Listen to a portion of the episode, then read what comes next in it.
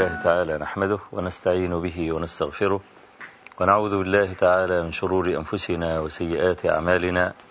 من يهد الله تعالى فلا مضل له ومن يضلل فلا هادي له. وأشهد أن لا إله إلا الله وحده لا شريك له وأشهد أن محمدا عبده ورسوله. أما بعد فإن أصدق الحديث كتاب الله تعالى وأحسن الهدي هدي محمد صلى الله عليه وآله وسلم وشر الأمور محدثاتها وكل محدثة بدعة وكل بدعة ضلالة وكل ضلالة في النار. اللهم صل على محمد وعلى آل محمد كما صليت على إبراهيم وعلى آل إبراهيم في العالمين إنك حميد مجيد. وبارك على محمد وعلى آل محمد كما باركت على إبراهيم وعلى آل إبراهيم في العالمين إنك حميد مجيد.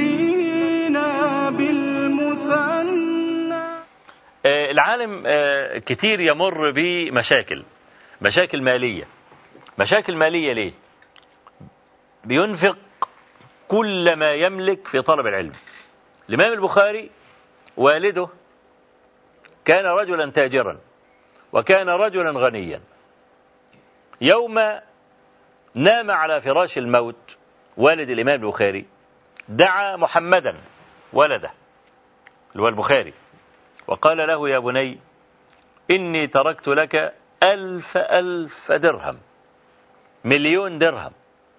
وطبعا ده في ذلك الزمان كان يعني كان مالية كبيرة جدا جدا. تركت لك ألف ألف درهم ما أعلم درهما؟ فيه شبهة شبهة. يعني مش ما أعلم درهما حراما. لا ما أعلم درهما فيه شبهة. إيه اللي وصل والد البخاري لهذه المرتبة؟ وإن ماله حلال أنه كان دائما بجوار أهل العلم. كان يحضر دروس مالك وحماد بن زيد وعبد الله بن المبارك وهذه الطبقة. كلما عن له شيء في البيع كان يسأل أهل العلم. يقول له الصفقة الفلانية شروطها كذا وكذا وكذا وكذا. هل ترى في هذه الشروط شيئا مخالفا للشرع؟ إذا قال له لا يعقد الصفقة. إذا قال له نعم في الشرط الفلاني والفلاني ده مخالف للشرع كان يسقطه إن استطاع وإلا ممكن يفقد الصفقة كلها. الإمام البخاري كان له أخ اسمه أحمد. هما الاثنين ورثوا الايه المليون درهم. أنفق البخاري هذا المال كله الذي ورثه في طلب العلم حتى أنه في يوم من الأيام أفلس ولم يجد ثيابا يلبسها. أشوف الخبر هنا.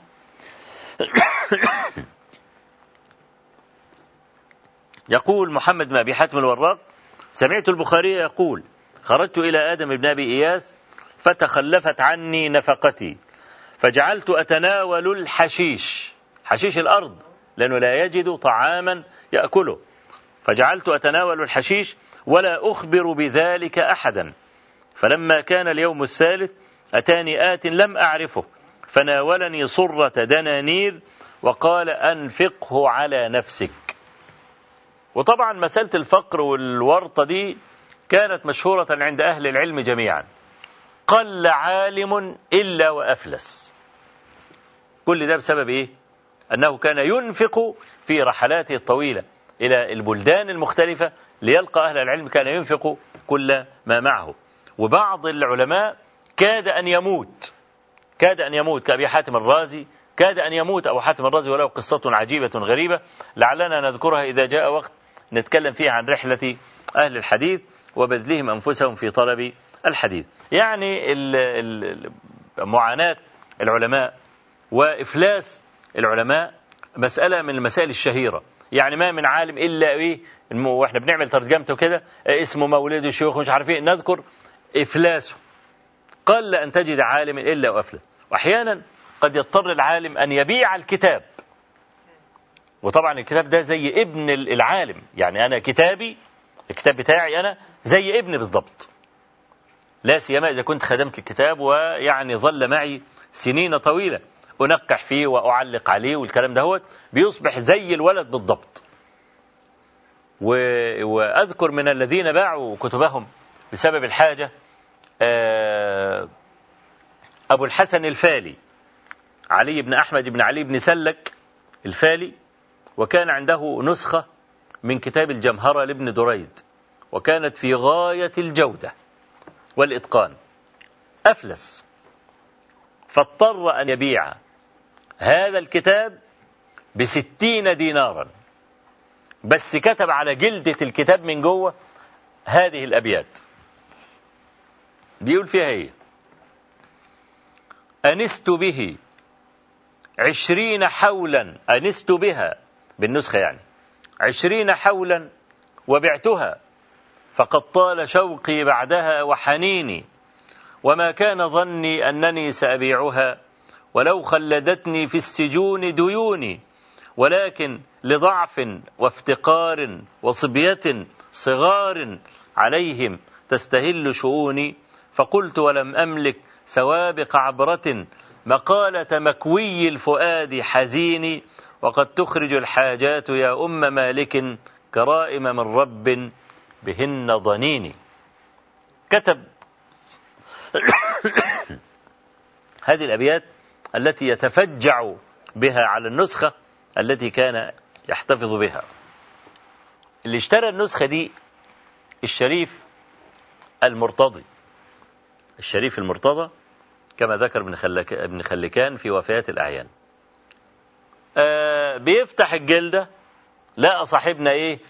كاتب بقى رثاء لحاله وللنسخة. أول ما قرأ هذه الأبيات قام واخد النسخة أرجعها لأبي الحسن الفالي اللي هو ابن سلك ده وأعطاه الستين دينار. فيعني إملاق أهل العلم وفقرهم دي مسألة موجودة تقريبا عند سائر أهل العلم الكبار وذلك بسبب أنهم كانوا ينفقون أموالهم في الرحلة. يعني مش أنهم كانوا فقراء لا. لكن مؤنة العلم شديدة. يعني النهاردة مثلا لو أن رجلا أراد أن يكون لنفسه مكتبة محترمة حد من العلماء يعني وعايز يعمل لنفسه مكتبة. المكتبة المحترمة اللي هي الحد الأدنى من الكتب.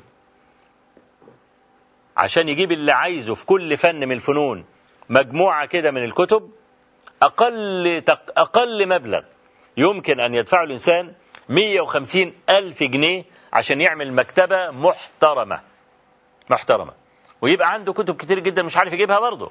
لكنه إذا توسع يعني وحب يعمل مكتبة أكثر احتراما وإن لم وإن لم يأتي بكل الكتب ممكن يكون ضعف هذا المبلغ. وأنا زي ما قلت لكم قبل كده ونتكلم عن آه، كفالة طلاب العلم وما ينبغي للمسلمين لا سيما الأغنياء أن يكفلوا. طلاب العلم وأن يكفوهم مؤنة الحاجة وأن يشتروا لهم الكتب والكلام ده. ذكرت لكم أن بعض الكتب يعني زي سير أعلام النبلاء ولا زي تهذيب الكمال للمزي ولا حاجة ده بيعدل 2000 مسند أحمد النهارده ب 2200 جنيه. مسند أحمد ده كتاب واحد بس. سير أعلام النبلاء في قرابة 1900 جنيه. فتح الباري اللي أنا قلت لكم اشتروه عشان خاطر يبقى عندكم المتن البخاري وشرح البخاري. يمكن الجماعة اللي اشتروه عارفين الثمن بتاعه. أقل نسخة النسخة اللي هي ما فيش خالص تعبانة على الآخر يعني بتتجاوز ال 130 جنيه أو 140 جنيه. فالكتب أمرها صعب جدا. فالعلماء القدامى كان أموالهم دي بتنفق إما على الرحلة وده كان غالب ما ينفق على الرحلة في طلب الحديث أو على استئجار النساخ أو على شراء الكاغد اللي الأوراق وشراء شراء الأحبار وهكذا. فيعني ما من عالم إلا وله في هذه المسألة يعني إيه آه شيء يقال. آه طيب إحنا يعني طبعا كلام البخاري الحقيقة يعني الكلام عنه كلام كثير جدا لكن أنا يعني آه عايز آه يعني أجيب حكاية واحدة بس كده عشان ندخل في محنة البخاري لأن ما من عالم إلا وله محنة من المحن. أي عالم رباني لازم تلاقي له محنة من المحن. فقبل يعني ما أدخل من المسألة دي أذكر شيئا من سماحة الإمام البخاري من سماحة نفسه. واللي حكى المسألة دي برضه أبو جعفر الوراق اللي هو تلميذ البخاري ووراقه وناسخه. أبو جعفر الوراق ده ذكر مرة قدام البخاري إن هو عايز يشتري بيت. فالبخاري قال له ينبغي أن تذهب إلى فلان اللي هو كان ماسك أموال البخاري يعني وتجيب منه ألف دين ألف درهم. فراح جاب ألف درهم. فقال له إيه؟ هو بيمليه. قال له أنا عايز أطلب منك حاجة. قال له إيه؟ قال له تقبلها؟ قال نعم ونعم عين. قال له خد الألف درهم ده استعن به على شراء الدار. وسامحني واجعلني في حل. قال له ليه؟ قال له إني قرأت خبر سعد وعبد الرحمن. وكان ينبغي أن أقاسمك شطر مالي. فسامحني واعذرني. لأنني خسرت في هذا. إيه خبر سعد وعبد الرحمن؟ مش بقول لكم البخاري ده راجل بيتدين بما ينقل. ما كانش راجل عمال يألف كتاب وهو في وادي والكتاب في وادي. لا. إنما كانوا يتدينون بما يكتبون. خبر سعد وعبد الرحمن البخاري رحمة الله عليه رواه في صحيحه من وجهين. الوجه الأول عن عبد الرحمن بن عوف في كتاب البيوع في كتاب البيوع ورواه في مناقب الأنصار. ورواه أيضا من حديث أنس بن مالك وكرره من حديث أنس في أحد عشر موضعا من صحيح. خلاصة الخبر ده إيه؟ أن النبي صلى الله عليه وسلم لما دخل المدينة فآخى بين المهاجرين والأنصار. فكان من الذين آخى بينهما سعد بن الربيع وعبد الرحمن بن عوف. سعد بن الربيع أنصاري عبد الرحمن بن عوف مهاجري. وطبعا إحنا كلنا عارفين أن المهاجرين تركوا ديارهم وأموالهم وخرجوا مهاجرين في سبيل الله عز وجل.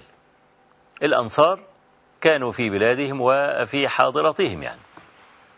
فلما آخى النبي صلى الله عليه وسلم بين سعد بن الربيع وعبد الرحمن بن عوف قال سعد لعبد الرحمن أنا أكثر أهل المدينة مالا. فخذ شطر مالي. وعندي زوجتان. فانظر إليهما واختر أعجبهما إليك. أطلقها لك فإذا انقضت عدتها تزوجتها. يعني هذه هذه سماحة عجيبة لأن العرب العرب ما كانش ليس من طبيعة العرب إن هم يتنازلوا واحد يتنازل عن عرضه ولا يتنازل عن امرأته. لا. وبعدين ما قالوش كده إيه أحديك واحدة منهم. تكون واحدة نكدية ولا واحدة شكلها وحش ولا بتاع يقول له خد دي أنا تبرعت بها لك مثلا ولا بتاع. لا ده بقول له انظر إليهما وانظر إلى أعجبهما الي أطلقها لك فإذا انقضى عدتها تزوجتها. فقال له عبد الرحمن بارك الله لك في أهلك ومالك ولكن دلني على السوق.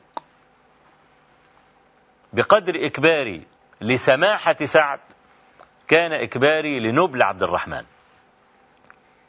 ذهب عبد الرحمن بن عوف إلى السوق فما هو إلا أيام حتى استطاع أن يجمع شيئا ذا بال من المال. لم يمر عدة أيام بعد ذلك إلا ولقيه رسول الله صلى الله عليه وسلم في بعض الطريق.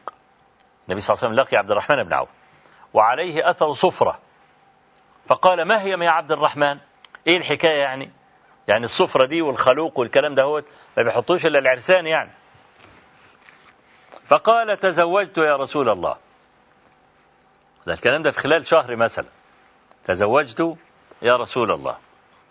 فقال له عليه الصلاة والسلام بكم أصدقتها؟ اديتها مهر قد إيه يعني. قال نواة. قال نواة من ذهب. أصدقتها نواة من ذهب. فقال له أولم ولو بشاه فشوف يعني عبد الرحمن بن عوف ده يعني رضي الله عنه كان إذا تاجر في التراب ربح من البركة. فالإمام البخاري بيقول له بيقول لابن أبي حاتم الوراق بيقول له أنا كان يعني الصحيح أنني إيه؟ أقسم معك مالي كما فعل سعد بن الربيع مع عبد الرحمن ابن عوف. المهم القصة الحقيقة طويلة.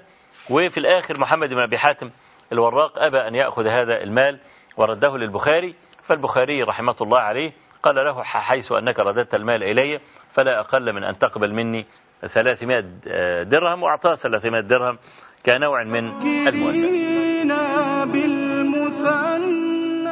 نسأل الله تبارك وتعالى أن يجعل ما قلناه وما سمعناه زادا إلى حسن المصير إليه وعتادا إلى يمن القدوم عليه. إنه بكل جميل كفيل وهو حسبنا ونعم الوكيل وصلى الله وسلم وبارك على نبينا محمد والحمد لله رب العالمين.